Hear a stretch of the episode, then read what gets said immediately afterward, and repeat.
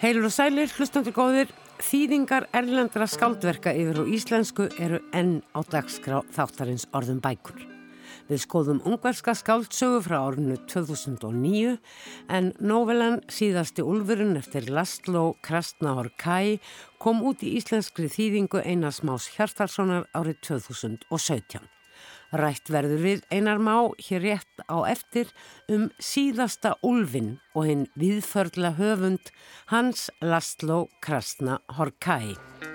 Í síðara hluta þáttarins verður svo rætt við tvo útgefundur sem hafa látið sig útgáðu þýðinga nokkru varða eins og reyndar fleiri útgefundur. Aðaltegn Ásberg Sigursson hefur ekki aðeins með útgáfu sinni dimmulagt áherslu á að kynna íslenskum lesendum verk erlendra höfunda heldur einnig sjálfur verið nokkuð afkastamikill í þýðingum. Það sama má segja um Guðrún Vilmundadóttur sem á handarhlaupum gaf sér örskott stund til að ræða við undirreitaða um mikilvægi þýðinga og bókamarkaði um leið og segja má að slíkt sé ekki sjálfgerið. Meira um þýðingar frá sjónarhóli útgefenda í síðari hluta þáttarins. Íslenski lesendur eru ekki handgengið ungverskum bókmyndum. Við leit á netinu komu einungis upp fáinn verk sem þitt hafa verið úr ungverskum. Gunstein Ólásson þýtti nokkra smásögur eftir Sigmund Moritz sem lifiði í kringum aldamóti 1900 og skrifaði árið 1992 að minnstakosti eina grein í tímaritt máls og menningar um ungverskar bókmyndir. Það er að segja Gunstein Ólarsson skrifaði þessa grein. Nær 60 árum fyrr hafði rittöfundurinn Haldur Stefánsson byrt þýðinga á smásögunni Hamarsök eftir Íljés Bjela. Báður þessir höfundar sem myndir voru lifðu tíman að tvenna í sögu Evrópu, voru hallir undir kommunismann og lögðu sig eftir félagslegu raunsægi í verkum sínum. Þegar ungverskum bókmyndum á íslensku er flett upp í gagnagrunni landsbókasapsins sést að á síður hluta 20. aldar hefur talsvert verið þýtt af ungverskum leikritum auk það sem eitt og eitt ljóð og eða smásaga hefur byrst í tímaritum og þá líklega þýtt úr millimáli. Árið 2005 kom svo út skáltsagan Kertin brunnu niður eftir Sandor Mara í þýðingu Hjalta Kristgerssonar og fyrir fáinum árum vakti skáltsagan Dyrnar eftir Mögdu Tsabo í þýðingu Guðrunar Hannesdóttur Alltegli. Hér er hins vegar ætlunin að skoða stutta skáltsögu, nóvelu, meira að segja stutta nóvelu sem Alltegli minni var beint af en Brynjólfur Þorsteinsson nefndi höfund nóvelunar síðasti úlfurinn Laszlo Krasnahorkai sem áhrifavald í eigin skrifum hér í þættinum fyrir nokkru.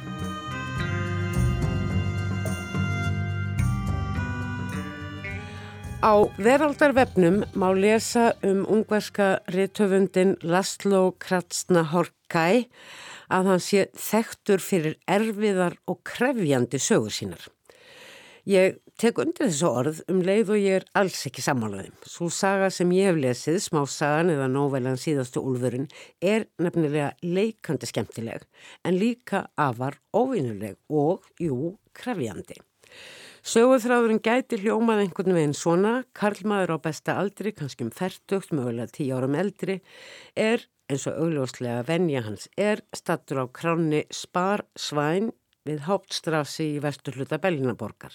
Hann drekkur sinn Sternberger, flöskubjór, aldrei og mikið og segir ungverskum barþjónunum frá enkennilegri uppákomu í lífi sínu. Þessum að þér virðist uppflosnaða háskólakennari í heimsbyggi hafði nefnilega borist bref, stílað á nafnans með nafnbótinni profesor fyrir framann. Súnabó tilherið þó augljóslega liðinni tíð í lífi mannsins sem er nafnlaus en uh, honum er eigað síður. Undir þessari nafnbót bóðið að vera sérstakur gestur í spænska héræðinu Extremadura sem kuð liggja rétt norðan við Andalúsju og eiga sameinleg landamæri með Portugal og einum stað í bókin er sagt um þetta hér að, að það sé ekki neitt. Reysavaksið, miskunarlaust, flatt, berangur og stjóku fjallendi, engum eftir því sem nærdreigur landamærinum. Hryllileg þurkar, gróðurlaus fjöll, skrælnu jörð, varla nokkur hræða. Með öðrum orðum ekki sérlega aðlagandi staður. Hins vegar kemur fram í áðurnemdi brefi til meints profesors að kostnaður við þetta ferðarlega verði allur greittur sem og kostnaður við bíl, bílstjóra, tólk og hvaðina. Og þar sem að þessi profesor á ekki mikið að öðrum er þetta nokkuð áleitlegt og hann ákveður að gangast inn á þetta hvað sem öllum nafnbótum líður. Þegar sagan hefst er hann augljóslega snúin aftur í sama gamla farið á kráni áður nefndu með hápstrassi og sögunni að ferðarlægi hans til Extremadúru flæðir fram í orðsins felistu merkingu. Ég held sveimir þá að punktar á eftir setningu og sjálfurleiði stór stafur í upphafi setningar sem hvort fekja allsendis fjárverandi í þessari nóvelu síðasti olfurinn. En þegar upp staðið virðist áhugi profesorsins fyrfirandi og núverandi kráar hangsanans hafa festst við ennmitt það. Síðasta ulfin í héræðinu spænska nema að okkar maður Bjórþambarinn og sögumæðurinn sé beinleins sjálfur síðasti ulfurinn. En svo áður kom fram kom þessi bók síðastu úlfurinn út hjá Dimmu árið 2017 í þýðingu Einars Hjartarssonar sem þá tveimur árum áður hafði lagt hana fram sem lokaverkefni til B.A.profs í þýðingafræðum við Háskóla Íslands. Einar hlýtur því að þekka eitthvað til lastlós eða að minnstakosti þessarar sögu. Velkomin í þáttun orðum bækur einar már, það er langt um liðis að þú varst að vinna við þessa bók. En eh, hvað kom til? Hvers vegna fórst það þýðan og það úr ungversku? Þú sem sagt kunnáttum aður í því tungumáli sem er ekki á hvers maður færi að eh. tala eða skrifa eða þýða úr. Eh, takk fyrir það. Ég bjó í Budapest í um tvö ár og uh, á þessu tímabili þá ræði ég stund á uh, námi í ungversku og uh, kynntist ymsum ungverskum bókmentum og sá þarna já, ymsa fjársjóði mann svona fór að dreyma um að væri nú gaman að geta snarraði sig yfir á íslensku einhver tíman. Þessi tildekna saga barst mér hins vegar fyrir tilviljun, þetta vinkona mín rúsnesk sem býr þar og eh, leggur stund á, eða læði stund á þessum tíma á, á hérna dótarsnám í ungarskum bókmentum. Gaf mér þessa bók í amaleskjöf og ég mann þegar ég fór að lesa hana, ég sagði, uff, þetta er erfið textu, þetta er flókið. Hún sagði, nei, nei, þetta er ekkit flókið prófaði það eins og svo fór ég að lesa þetta og þá bara rann þetta svona einhvern veginn áfram sko og þetta var einmitt alls ekkert svo uh, krefjandi lestur, lesning alls ekki og bara mjög skemmtileg og ég einhvern veginn bara alveg fjall fyrir þessum stíl og hvernig þessu svona sérstakka Það er frásögn háttað. einmitt. Og uh, það voru svona fyrstu kynni mín af þessari sögu og Laslo Krasnahorka sem ég þekktir henni ekki fyrir en vissi hann uh, hafði unni með kvikmyndaregsturunum Bela Torr hansi mikið uh, séðum handrítaskrif fyrir hans kvikmyndir og uh, kvikmyndir Bela Tarr þekkt, þekkt ég vel og hef séð þar uh, öruglallar. Mm, og Bela Tarr hefur gert myndir eftir bókum, já, skáltsóðum. Já, já, já, líklega þekktust er Kölska tango eða Sjatan tango, eins og hann heitir á... Sem gerðan jú frægan á vesturöndum eða interneti lígur ekki. Nei, mitt, mitt. Þannig að samstarf þessara félaga hefur Eh, borðið að sér ansið mikið návist bæði í bókmæntaheiminum og kvikmæntaheiminum. Sökum fræðar Beila Torra þá þekkti maður minna til eh, Krasnahorkæs eh, en hann hefur hins vegar öðlast ansið miklu aðtikli síðari ár og verið þýttur yfir á fjölmörg tungumál og kannski þetta sem sagt er að hans er krefjandi eða erfiður höfundur sko, það held ég að sé ekki alls en þetta satt, hann notar ekkit erfið eða torskilin eða óvinnileg orð eða neitt slíkt, þetta er kannski frekar bara að fólk haldi saminginu í setninguna því að þetta eru langar setningar og fariðum víðan völl og kannski það sem er krefjandi, það er kannski bara að halda einbindingunni sko. Spurning hvort að við reynum að láta heyra aðeins í bókinni því að tekstin mm -hmm. er jú mjög sérstæður, mm -hmm. mikið flæði eins og ljóst má vera. Mm -hmm. Við grípum hérna niður á þeim stað í sögunu tiltölulega aftarlega -hmm.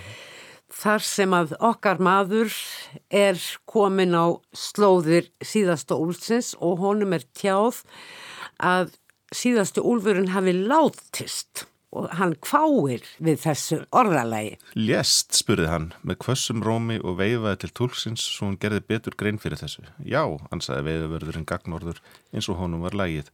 Við förum þangað sem síðasti úlfurinn lést, en fyrst aðtöðum við hvar síðastu úlvarnir voru skotnir. Hvað segið þér? sagði hann og vatt sér að honum. Hvað þá? spurði nú ungverinn líka. Síðustu úlvarnir. Um hvað er hann að tala, sagði hann og leiti í aftursætið.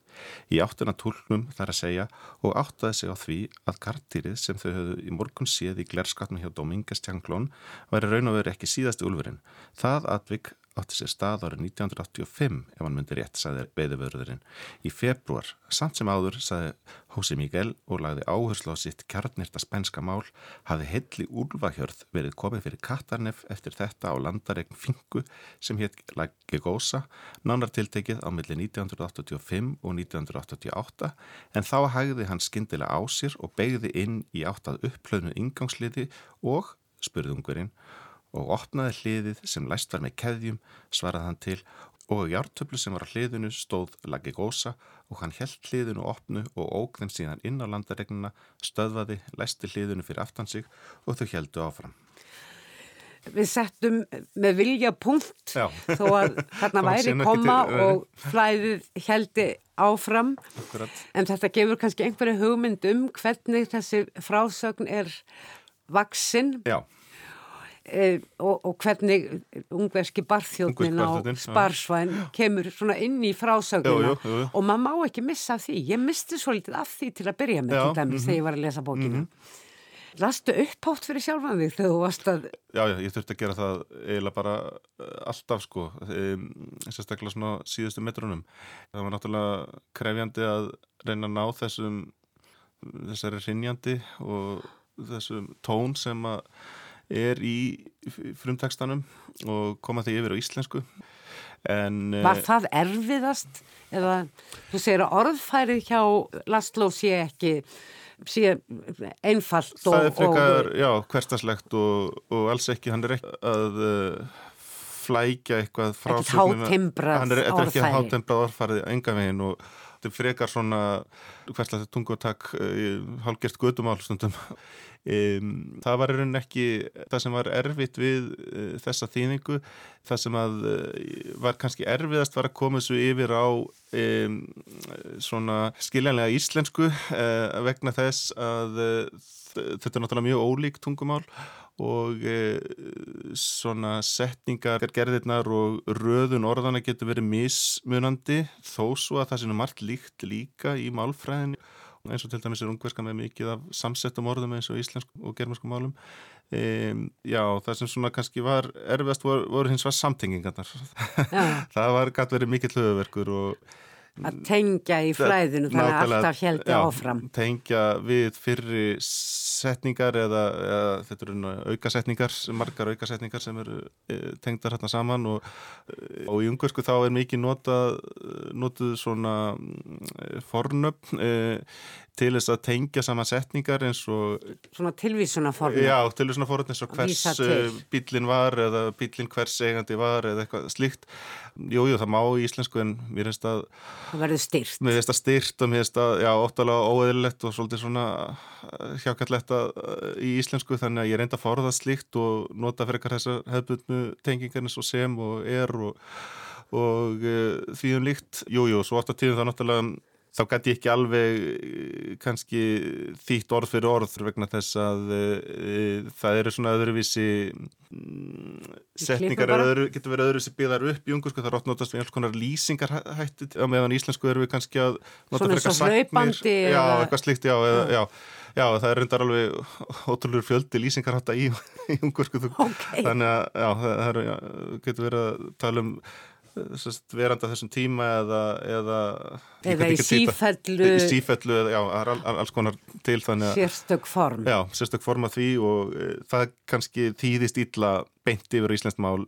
Já, þetta er náttúrulega ekki sama verkið en eiga síður mjög mikil fengur að fá þetta, geta að lesa þetta á íslensku. Og eins og ég segi tekstin er mjög læsilegur og maður mm -hmm. nærónum mm -hmm. vel og hreinlega þýtur með því að þetta er, þetta er hraður teksti og þetta er stuttbók 70 blaðsýður mm -hmm. en eiginlega finnst maður nú hún sé miklu lengri. Já, Þetta er já. svo mikil saga sem að þarna er sögð. Mhm. Ég las á netinu að Susan Sontag talar um Laszlo Krasnohorkai sem heimslita höfund. Tekur undir það?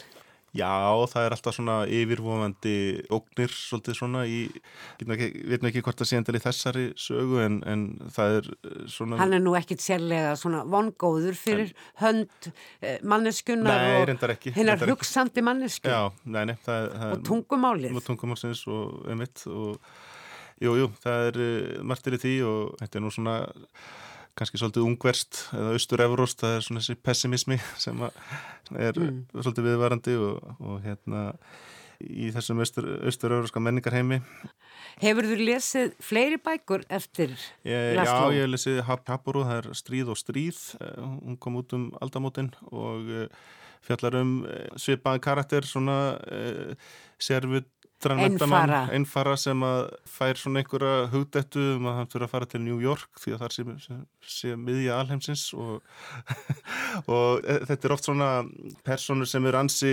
sérstakar með svona einhver yfirvóandi heimslit á, heim, á heilanum eða, eða einhverjar yfirvóandi hörmungar Er stílinn í þeirri bók svipaður en hann líka svona flæðandi? Hann er, hann er mjög svipaður, já, já, hann er svona flæðandi og mjög langar setningar sem að uh, En þó punktar uh, þó eru einhverju punktarinn á milli uh, og kaplaskil. og kaplaskil en, en ekki mikið um það Svo var nú kom út bók eftir hann 2001 uh, sem heitir Herst 0779 held ég hún svona kallar meira á samtíma okkar gerist í Þýskalandi ónendu smábæ sem að það sem að nínastar hafa náð fótfestu og fjallar um svona einfaldan mann sem að einhvern veginn svona verður Ánetjast, uh, já, ánýtjast og uh, kenningum nazismans. nei, hann, hann... kannski fer aldrei sjálfur að aðhyllast þetta, hann er einhvern veginn svona leiðitamur og bara fylgir hótnum einhvern veginn sko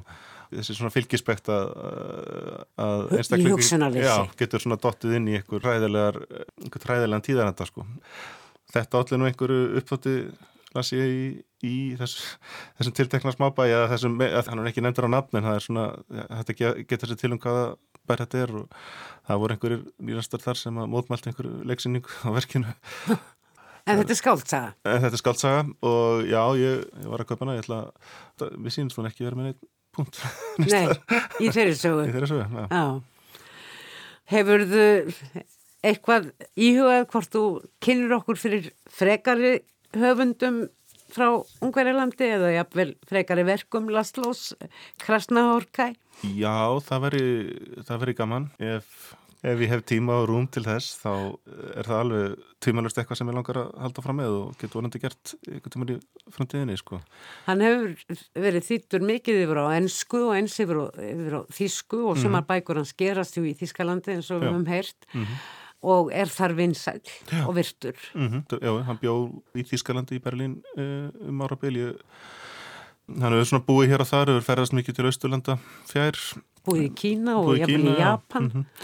Og kannski svona þessi flæðandi stíl og þetta hugaferð, þetta er, mér finnst ég greina svona áhrif af uh, austurlenskri heimsbyggi þar uh, og, og kannski bítskaldunum líka, hann var í samstarfi við Allen Ginsberg í New York uh, Akkurat. og Hann greiði eitthvað göttans eða eitthvað líka. getur alveg verið, já, Og eða- bjó hjá honum. Já, eitthvað, það- já, eitthvað þannig, já og hann aðstofan eitthvað við skrif uh, þessar bókar sem kom út um aldamótin Haborúis, Haború eða sem uh, stríðs og stríðs já, sem er hvers konar uh, bjögun á uh, stríð og friður vendalega tólstóðis Þetta og vænlega ástand Jú, jú. í heiminum. Jú, það er honum svolítið hugleik. Það er svolítið, hugleikið og jú, jú, En það er húmor í þessu. það er svona lúmskur húmor oft sem að gera þessar sögu eh, sem ég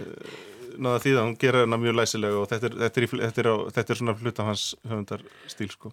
Einar Már Hjartarsson, þakka þér innilega fyrir að upplýsa okkur svo lítið, fræða okkur svo lítið um Laszlo Krasna Horkai og ekki síst um þessa ágætu bók og fínu þýðingu á nóvelinans síðasti ólurinn. Takk fyrir það og gleðum að heyra að íslensk ungu skáld hafi orðið fyrir áhrifum, það er bara aðeinslegt að heyra það.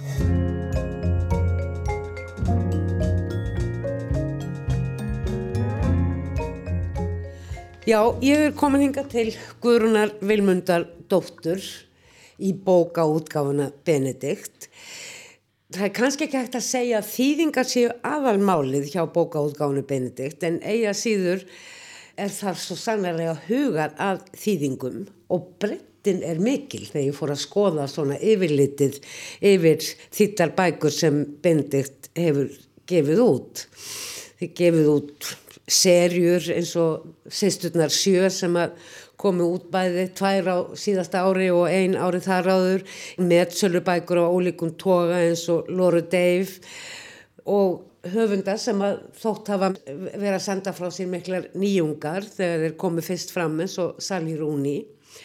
Þá hefur Benedikt verið ötull við að kynna okkur íslenskum lesendum fyrir frönskumælendu höfundum og norrænum, jáfnvel ítölskum reyndar líka. Eh, hvernig veljast þýðingar hjá þér? Já. Er hægt að segja eitthvað um það, Guðrún? Ef það væri nú einhver regla á því, en við erum mjög metnaðafull í uh, útgáfið þýðinga og höfum mikinn áhuga á þeim og finnst það skipta máli. En, Hvað skiptir máli við þýðingar? Uh, Getur þú eitthvað sett fingur á það? Mér finnst bara skipta alveg rúslega miklu máli að í rauninni kynna inn í samfélag sem er ekki starra heldur en okkar að taka þátt í því að við séum öruglega að fylgjast með því sem okkur finnst vera merkilegir hlutir að gerast í bókmyndaheimi í annar landa. Þýðingar, þær eru hluti af okkar bókmyndasögu bæði nú og hafa allartíð verið. Já, já. Það er náttúrulega tekið til þess þegar allra fyrstu þýðingar Miltons Paradísamissir og svo framvegis komu út og íslenska bókmyndir væri ekki það sem þeir eru án þýðingar. Nei, ég er alveg sammálað því.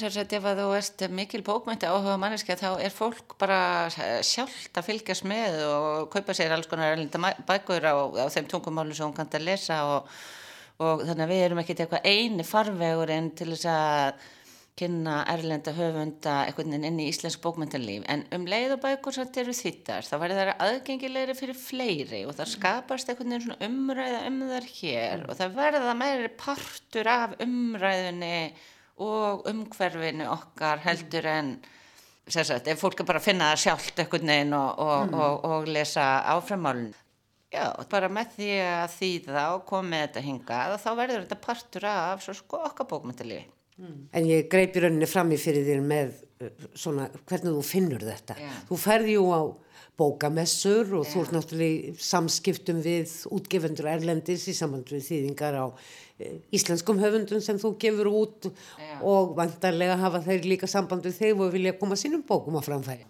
Nú uh, er ég nú búin að vera í þessu í nokkur ár sem búin að starfa í bókáttgafi frá 2006 þannig að hérna maður er búin að finna sér svona já mér eftirleitsútgefundur við það sem þú treystir.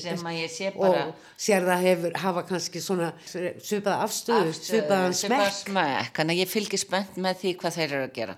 Og ef þeir eru með nýjan höfund sem að mér lísta og þá skoða ég hann frekar en aðra. Svo eru við bara, svo maður bara búin að egnast uh, fullt af vinum og félögum og maður bara er í svona Ég les líka Erlend blöð og ég fylgis með hvað er, Erlendur útgáfur sem ég held upp á er að gera og mm. svo eru stundum einhverjum svona æventýri sem gerast og veist einhver óþægtur höfundur salst til 25 útgáfanda áður en hann er komin út. Ég er í samstarfi við svona sem að heita skáta sem eru sko annað heldur en umbósmenn ég fæ sko frettabrif frá þeim sem eru bara um þetta mm. Vist, hvaða útgafur eru að kaupa hvað, hvað er að gera straðar heldur að fólk átti vona á? Mm. hvað er eitthvað nýr höfundur sem allt í einu vekur áhuga? Ég er með svona ákveðna típur sem að, sem að verðast það var bara mjög svipaðans með eitthvað ég. Þannig að ef það er þau þrjú til dæmis er búin að sína eitthvað áhuga þá sko hleypjast að. Svo er líka bara ótrúlegustu hlutur ég menna eitthvað tíman í sömar við gafum út hérna, það var fyrsta svona sjálfsjálfabókin sem að við hafum nú meira verið í svona litteratúr það sem þú vildur alltaf já, af hverju hefur engi sagt mér þetta fyrr? Já. og hún rataði til mér bara þannig að þá var ég í rauninni ég kann ekki sérsett sjálf, ég fylgist ekki með TikTok en þá var ég að lesa grein sem að fjallaði um bækur þar sem að höfundar hefðu slegið gegn á TikTok. Og þá kemur þessi bók til sögunar mér fannst titillin eitthvað áhugaverður og skemmtileg, mm. eða sko svona skemmtilegur og það sem var sagt um bókina í þessar grein. Þó að eins og ég segi, við hefum eiginlega bara verið í bókmyndunum þannig að þetta var svona alveg á skjö en, já, en þannig verður þessi grein samt til þess að ég fer að skoða þetta fæ bókin að senda listur hann rosalega vel á hana og svona getur tilvíðlega verið líka sko En svona staðrendir til dæmis eins og með bókinina Lóri Dave sem að var bara í hátt í 20 vikur á bestsellerlista New York Times. Yeah. eða eins og eina bókonum sem að yeah. nú eru væntanlegar í nýri norrætni sólarröð, ekki sagt, eða sólarbókaklubbi, bók eftir uh, sænska Ía Genberg, uh, smáatriðin, detaljerne, heitur hún á sænsku og ég sá þegar ég var að reyna að finna út úr hvers konar bók þetta væri, að þetta er bók sem að nú þegar er búið að selja til 25 eða 6 land. Já, já, hún bara gengur algjörlega frábærlega vel, en þá verður ég eiginlega að segja Ég bara held að við, miklu frekar Þórtís Gísladóttir heldur en ég beri svona smá ábyrðu þessu.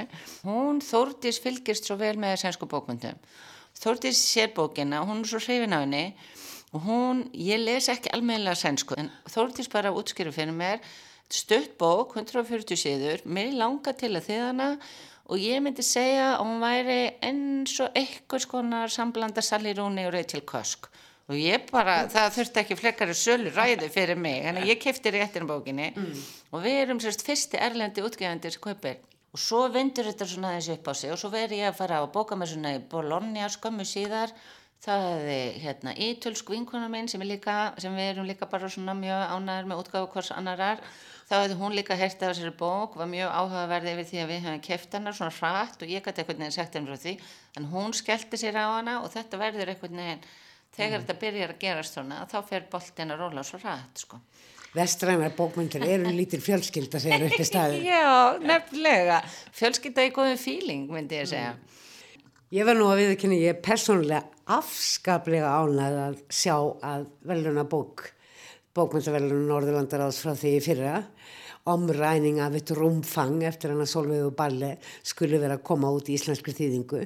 Ætlar að gefa út allar þrjár bækurnar eða byrja bara á nummer eitt? Sko, þar voru jú þrjár tilnemdar það voru þrjár tilnemdar en það verða sko sjö þannig að þegar hún byrjaði, ég er búin að fylgjast með þessum bókum, ég fylgjast með Solveig Balle í hérna langan tíma mm. en bara einhvern veginn að þú veist bækurnar eru þau sjö þá fannst mér þetta ekki bara koma til greina fyrir okkur eins og það bara gengi ekki að svo sem sagt eftir hún fær velunin að þá sé ég að útgifendur í öðrum löndum margir kaupa sko þrjár fyrstu bækurnar og sumir kaupa bara eina eins og ég geri.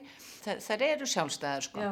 Þá getur maður gert þetta svona kaupa fyrstu bókina að tóa hvort það gengur, hvernig það fellur íslenskum lesendum í geð og þá myndi ég náttúrulega glöðvilega halda áfram. Mm. en það er svo erfitt að binda sig í eitthvað sjöbóka pakka og svo bara mm. gengur ekkit á eitt og tvö og þóttu svona tveim eftir sko. Það er þetta með rekstrareikningin og þýðingarnar.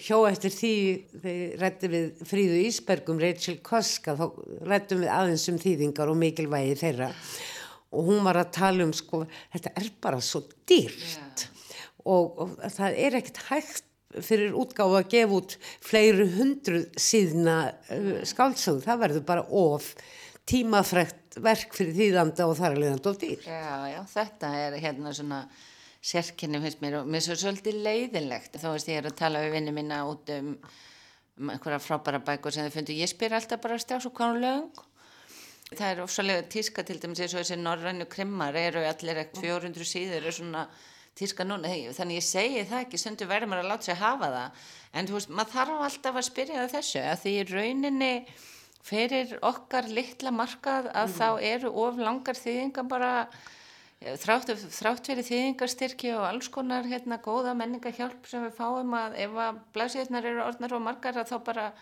er tap ofanfleganlegt sem að maður vil nú helst ekki maður vil ekki safna sér á miklu tapi sko.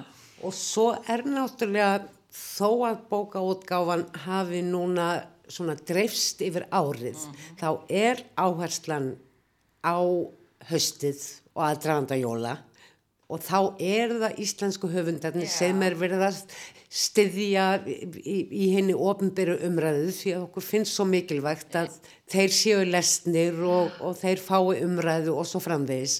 Og þýðingarnar falla gjarnan svo litið óbættar hjá gardi. Ég áttaði mikið á að Rachel Cusk hefði komið út í íslensku þýðingu fyrir mörgum mánuðum eftir hún kom út. Nei, með þetta er alveg rétt, en veistu, einhverju leiti, auðvitað er þetta smá send, en einhverju leiti bara fagna ég þessu líka. Maður það bara muna það og koma með þýðingarnar á aðeins öðrum tímum. Mm. Af því að þegar, þú veist, allir okkar íslensku höfundar sem við einhvern veginn bara þekkjum og eigum og finnst þetta væntum, sko, þegar þeir eru allir með nýtt stöf, þá bara dettur annar í skokan, annar í skokan. Og eins og ég segi, kannski á maður bara þakka fyrir það og gera þetta aðeins allt hefur sinn tíma eins og Allt- stendur einhver staðar. ég, ég segi það og vera ekkert að hvernig reyna að djöflast í því Þú hefur sjálf þýtt aðalú fransku en bæði skáldsögur og eins leikrit.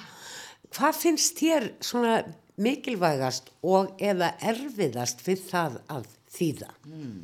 Tja, Allar bækur eru ólíkar, höfundar eru ólíkir, tungumál virka m- með ólíkum hætti og tímaskeið í bókmyndum. ég held að mér finnst skipta mestu máli að það sem ég reyni að hugsa um ef ég lendi eitthvað sko, eitthvað svona vandræði með eitthvað svona heki að þá, sérstaklega eins og þegar ég, ég mest þýtt sérstaklega úr frönsku að það er bara nákvæmlega sko, hvað vildi, hvað vildi höfundurum sagt hafa? Reyna að halda sig í réttum í re, re, réttum takti, réttri stemningu einhvern veginn. Þannig að huga leikvæmi finnst mér sérst í kringum þetta að vera með rétta vera í rétta andanum einhvern veginn. Við rættum áðan hvernig svona kaupin gerast á erinni, hvernig þýðing verður uh, útgáfubók hjá, hjá Benedikt en svo myndust einmitt á Þóltisi Gísladóttur hún hafi sagt þessa bók vil ég þýða eru þýðindur svolítið að koma með Já, það gerast alltaf endrum og sennum. Það er svona oftar sem að ég finn eitthvað og leita svo að þýðanda í verkið. En þetta, þú veist, þetta gerist og getur verið mjög skemmtilegt. Og við höfum, náttúrulega, við höfum unni lengi saman gegn tíðin af Þórdís og hún er líka skrifað skaldsögur og barnarsögur og, og ljóð. og þýtti jú gift eftir tófitillus en það er kannski hugmynd sem kom frá henni að þýða þessa klassík. Já, ég man ekki, einhvern veginn töluðum við okkur saman um það. Ég er náttúrulega, ég er algjör aðdáðandi tófi bara sem ég var krakki, skilur, amma var það. Veist, þannig að maður las þessa bækur einhvern veginn þá. En svo hefur verið rosalega svona vakning fyrir henni. Hún var að koma, henni var að koma út í ennskumælulöndum.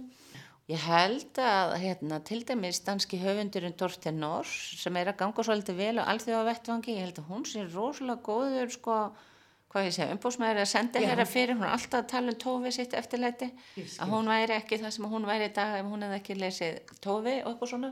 Þessi svona uppvaksta sögur hennar hafa við að gef, gefnir út á einni bók, en við ákveðum að gera þær í þremur. Og gift fekk svo góðar máttökur og frá bara dóma miklu aðtekli, ég þurfti að endur, endurprentaði sko, ég náði meira. Þannig að hún ætlar að halda áfram með bardóm og ung, ungdóm. En gaman. Já, það er frábæst, ég segi það. Eitt að lokum bókmyndaháttíð sem að verður jú bara í þarnasta mánuði í apríl. Það er daldur svona mikilvægur uh, vettvangur fyrir þýðingar. Já, það er það. Og það er rosalega gaman, mér finnst hérna bókmyndaháttíð það var sko einbeitti svolítið að því að bjóða höfundum á háttíðina sem hafa verið þýttir. Þú veist, ég hef bara séð hvoru tvekja og það bara færir eitthvað, eitthvað meira stuð í salin, sko. En það er, mér finnst það bara, bókmyndaháttíð vera mikil, hérna, það er bara mikil háttíð í bókmyndalífi lási, sko. Háttíð í bókmyndalífi landsins og allir dagar eru bókmyndadagar. Guðrum Vilmundóttir, kæra þakkir. Þakka þér, takk fyrir. Og nú erum við komin á fund aðalstens Ásbergs Sigurssonar, skálds, þýðanda og eiganda bókaútgáðunar Dimmu sem að gaf jú út Slettu Ulfin á sínum tíma. Hvað finnst honum svona merkilegt og mikilvægt við bókmyndaþýðingar? Það sem er mikilvægast er auðvitað það að, að það verður miklu fjölbreytilegri flóra af verkum á íslensku og það er mjög nöðsynlegt vegna þess að það berast allskynns áhrif frá útlöndum úr öllum heimshornum og ef að við fengjum ekki þýðingar þá varu bara íslenskan svo miklu miklu fátakari. Mm. Þannig að þetta er mjög mikilvægt og hefur alltaf verið í eh, mörg mörg hundruð ár. Svo er spurningin hvernig verður útlend bókmyndaverk að útgáfu bók hjá dimmu? Já, það er mjög samt eftir því hvað það er en uh, dimma byrjaði auðvitað á því að gefa út ljóða þýðingar, það voru mínar eigin þýðingar, þannig hófst þetta allt saman. Og hérna og ég náttúrulega valdi og réði öllu og hérna valdi þitti, gaf út. En það var bara í byrjun, það var svona fyrstu tíu árin í sögu útgáfunar þá var ég bara að koma einhverju aðeins sem að mér fannst það áhugavert og hafði mestan áhuga sjálfur á ljóðaþýningum Og vildir að vinir þínir og jáfnveil fleiri læsu þannig að hægt var að tala um líka þessa útlendu höfunda og þeirra ljóð Já og ofta á tíðum sko á, á þeim tíma þá, sko, þá var ekkit, ekkit hérna, auðvelt að finna efnið heldur. Þannig að þess vegna var það mjög mikilvægt líka og, og það er svo sem þannig ennþá með suma bækur það eru ekkit endilega aðgengilegar og þess vegna mjög gaman að geta kynnt og, og gefið út alls konar efni sem að nærð bara hreinlega ekki í. En svo er það þannig að svo hafa þó nokkri þýðendur hafa síðan leita til mín og, hérna, og sögumir hafa fengið náð fyrir mínum kvössu augum og, bara, og mínum smekk má segja líka. Smekkur skiptir allir máli í þessu öllu saman. Hann skiptir mjög miklu máli og til dæmis með þessa bók sem þú nefndir síðasta Ulfin, sko, þá ég, ég var strax einhvern veginn hrifin að hugmyndinni, ég hafði heyrt um höfundin og svo kom þýðandin og hann hafði verið að vinna að verkinu í þýðingafræði og hann sendi mér handritið og ég las það og ég var strax mjög hrifun og ég hugsa já þetta er bók sem kemur af málsvæði sem við höfum lítinn sem engan aðgang að. Hann var að þýða beint og frummáli og mér fannst það bara mjög áhugavert. Nákvæmlega. Þetta er svo skemmtileg bók Og þarna sko, e, e, það er það langt séðan ég gaf hann út, ég hafði ekkert gefið út margar skáldsögur en, en þarna var, fór ég af stað með svona eiginlega svolítið röð af skáldsögum og ákvaði eiginlega að hérna, mér langaði til þess að vera með kannski svona tvær þýttar skáldsögur, frekar þá í steittri kantinum, það hjálpar útgefandunum svolítið mikið að þessi ekki mjög stórar bækur, ég hef gefið þær út líka en það er miklu miklu erfiðar að öllu leiti.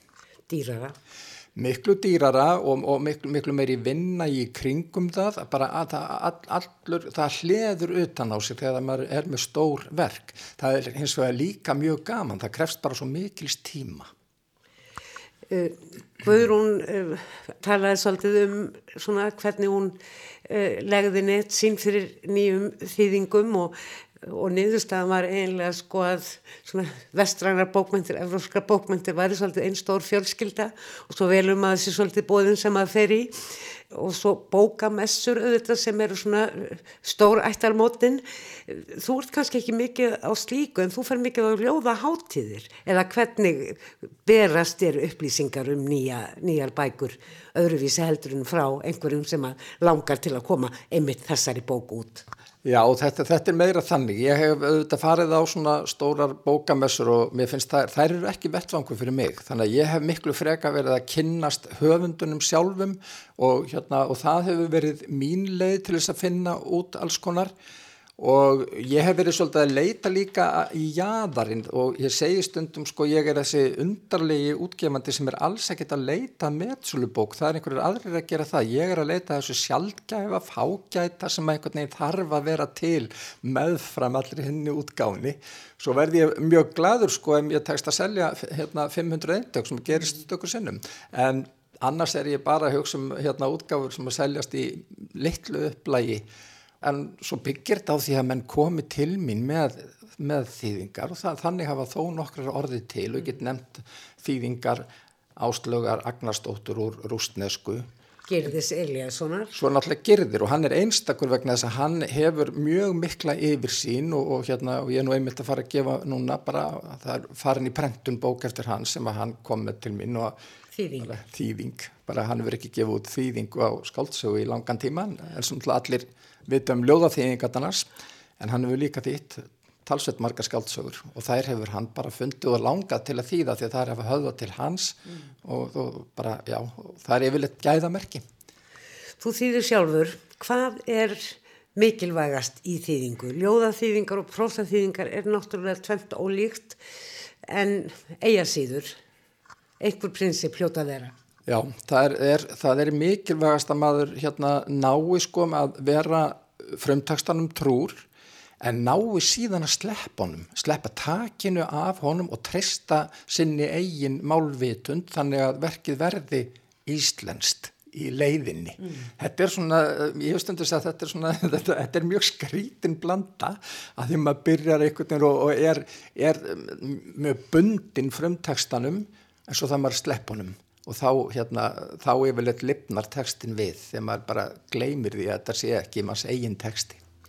Það var nú einstaklega skemmtileg bók sem þið gáðuð út dimma á síðasta ári Krossgötur hétt hún ekki satt Jú. eftir hana Sigur Björgu Þrastadóttur sem var sko voru þýðingar og þýðingar eða þýðingar og samtal Já. sem þýðingju er. Jú, jú og, og, og það, mér fannst það svolítið einstakta að, að því að Sigurbjörg hafi rætt þetta við mig og hún hafi þýtt ljóð eftir talsveit marga höfunda held þetta séu 40 höfundur og þetta, hún hafi verið á þessari vegferð eins og ég sjálfur ég þekkti það svo vel að hitt skáld og hrifist af mörgu og svo hafði hún svona einhvern veginn þetta hafi bara orðið til svona meðfram öðru hjá henni og svo fór hún að skoða þetta í heilsinni og, og þá dattinn allt í huga þetta gæti orðið bók en, en svo geti þetta líka því svona blanda og mér fannst það svo frábært og þegar nú kom með þetta nafn á bókinlega Krossljóð þá fannst mér alveg Krossljóð, alveg Já, mér fannst það bara svo flott nafn líka.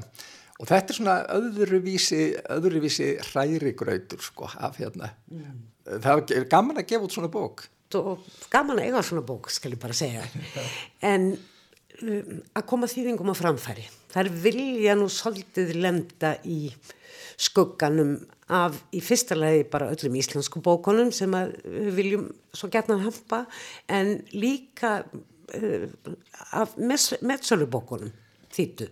Já, já, og þá þarf maður bara einhvern veginn að vinna með því að vera í skugganum af, af þessu En það er vissulega að það, það er flókið og það er ekki sama hvena maður gefur þar út og ég hef lendið í að vera úr setn með bækur þannig að það hafa einhvern veginn, það ná ekki inn í eh, vor eh, svona umræðuna.